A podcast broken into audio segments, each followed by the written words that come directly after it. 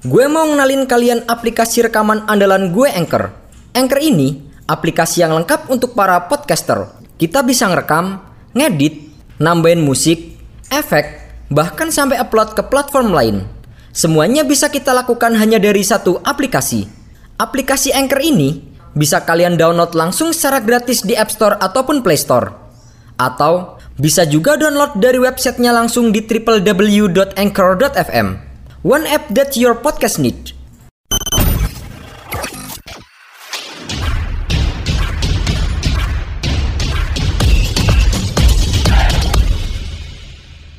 Halo Cebol Mania, kembali lagi bersama kami di Cerita Bola. Kalahkan Inggris Italia juara Piala Eropa 2020. Bermain di Wembley, Inggris berhasil membuat kejutan usai mencetak gol cepat ke gawang Italia di menit kedua. Gol itu berawal dari skema serangan balik yang mampu dimaksimalkan oleh Luxau. Namun, memasuki babak kedua, tepatnya pada menit ke-67, Italia sukses menyamakan kedudukan melalui gol dari Leonardo Bonucci. Gol itu tercipta berkat kemelut di area kotak penalti Jordan Pickford. Pada akhirnya, pertandingan pun harus dilanjutkan ke babak adu penalti. Di babak ini, dua penendang geli Azuri gagal memasukkan bola. Sementara Inggris justru gagal mencetak 3 gol. Italia pun menang dengan skor 3-2 atas Inggris. Berkat hasil ini, timnas Italia memastikan diri menjadi juara Piala Eropa 2020 usai mengalahkan Inggris di partai final.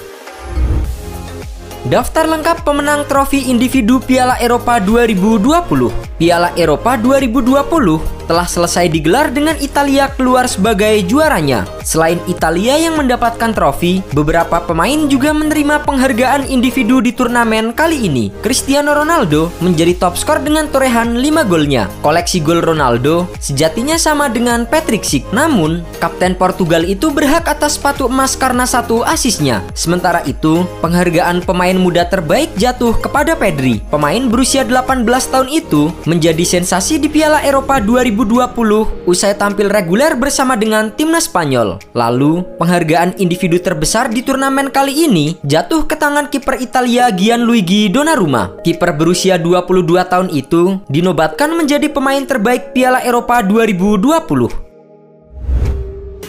Cruz dianggap sumber kegagalan Jerman di Euro 2020. Timnas Jerman tampil mengecewakan di Piala Eropa 2020 usai tersingkir di babak 16 besar di tangan Inggris. Presiden Bayern Munchen Uli Hoeneß mencoba menganalisa penyebab kegagalan negaranya. Pria 69 tahun itu menyoroti peran Toni Kroos di lini tengah Jerman. Ia menilai Toni Kroos menghambat serangan Jerman karena gaya mainnya sudah tak cocok dengan sepak bola modern yang mengandalkan kecepatan. Kritik Hoeneß ini ternyata membuat Toni Kroos geram. Ia mengecam balik Hunes melalui unggahan di akun Twitternya. Ia menyebut bahwa Hunes sebagai sosok yang tak kompeten. Meski begitu, Hunes dipastikan tidak akan melihat Toni Kroos kembali berseragam Jerman. Pasalnya, gelandang 31 tahun itu sudah mengumumkan pensiun dari timnas Jerman usai Euro 2020.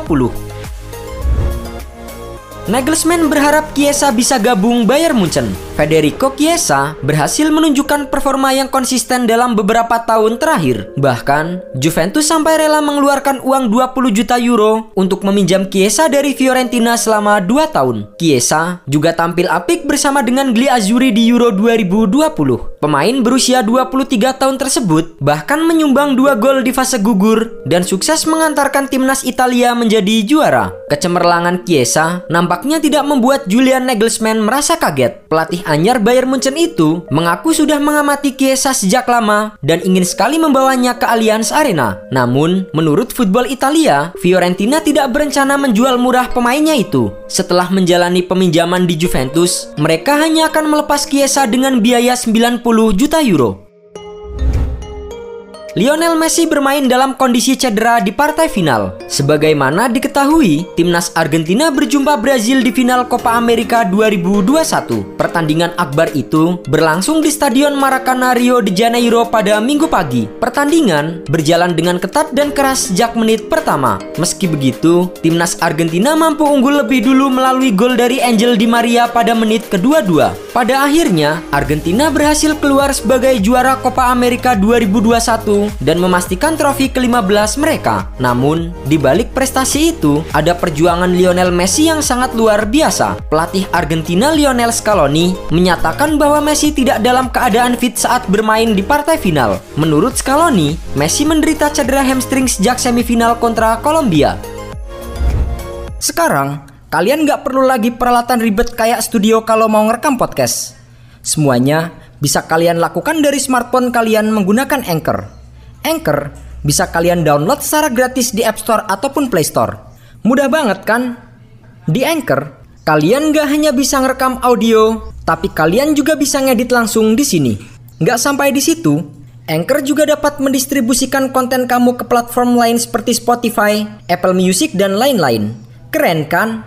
Satu aplikasi untuk semua kebutuhan. Daripada kalian makin penasaran, mending langsung aja download Anchor sekarang. Oh iya, Anchor ini gratis loh.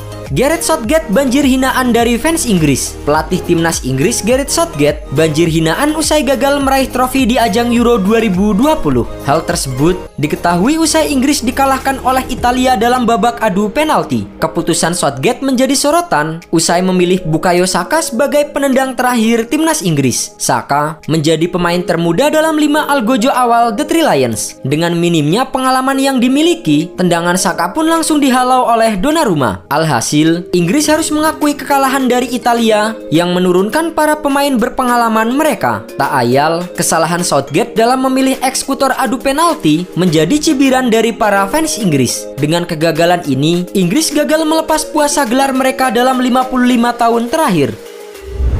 Christian Eriksen kembali gabung skuad Inter Milan pekan ini.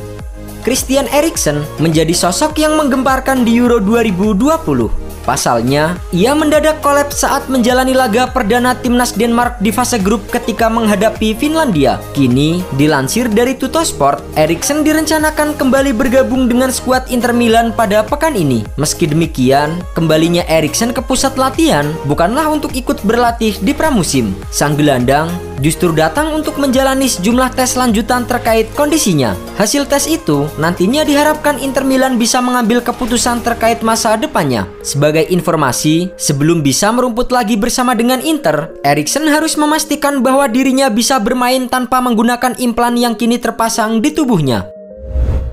Alasan kuat Sergio Ramos pilih gabung PSG Sergio Ramos resmi diperkenalkan sebagai pemain baru PSG pada Kamis pekan lalu. Bek asal Spanyol itu direkrut secara gratis dan sudah menandatangani kontrak selama 2 tahun di Paris. Baru-baru ini, Sergio Ramos memberikan penjelasan mengapa memilih bergabung ke PSG. Menurutnya, PSG merupakan tim yang haus akan gelar juara, apalagi mereka sangat berambisi untuk bisa meraih trofi Liga Champions. Terlebih, selain dirinya, PSG telah mendaratkan sejumlah pemain bintang seperti Georginio Wijnaldum dan Akraf Hakimi. Belum lagi, Gianluigi Donnarumma dipastikan segera menyusul. Meski usianya sudah menginjak 35 tahun, Sergio Ramos diyakini masih cukup tangguh menjaga lini belakang PSG. Sebelumnya, ia telah menghabiskan 16 musim bersama dengan raksasa La Liga Real Madrid.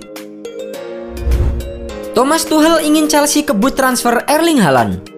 Ketajaman Halan bersama dengan Dortmund dalam dua musim terakhir telah membuatnya diperebutkan oleh sejumlah klub papan atas Eropa. Meski begitu, sang striker bisa didapatkan dengan harga 75 juta euro pada tahun depan. Hal itu seperti yang tertera dalam klausul kontrak bersama dengan Borussia Dortmund. Namun, dilansir oleh Football London bahwa Thomas Tuchel nampaknya sudah tak sabar untuk memiliki Erling Haaland di dalam skuadnya. Jika Tuchel benar-benar ngotot untuk merekrut Haaland pada musim ini, maka Chelsea diyakini harus mem membayar biaya transfer senilai 175 juta euro kepada Borussia Dortmund. Apabila transfer ini menjadi kenyataan, maka Erling Haaland akan mendapatkan gelar sebagai pemain termahal kedua di dunia. Ia hanya kalah dari Neymar yang diboyong PSG di harga 222 juta euro. Inter Milan incar bek kanan Atalanta sebagai pengganti Hakimi.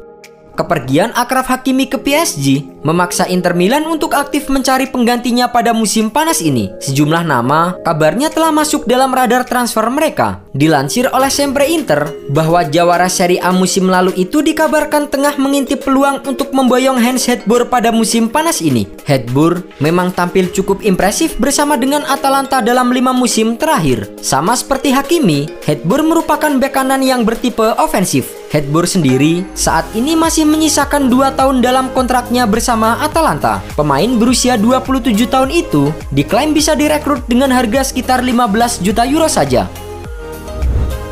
Barcelona siap kembalikan Griezmann ke Atletico.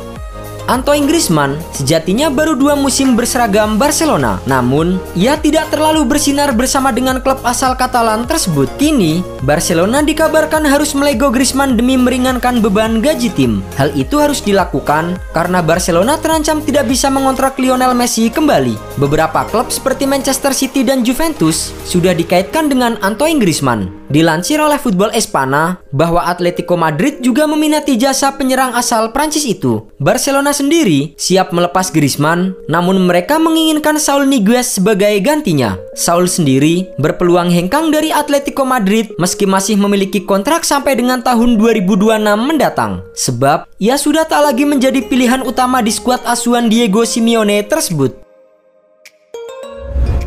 Jadi pengangguran Messi kehilangan 1,72 M per hari.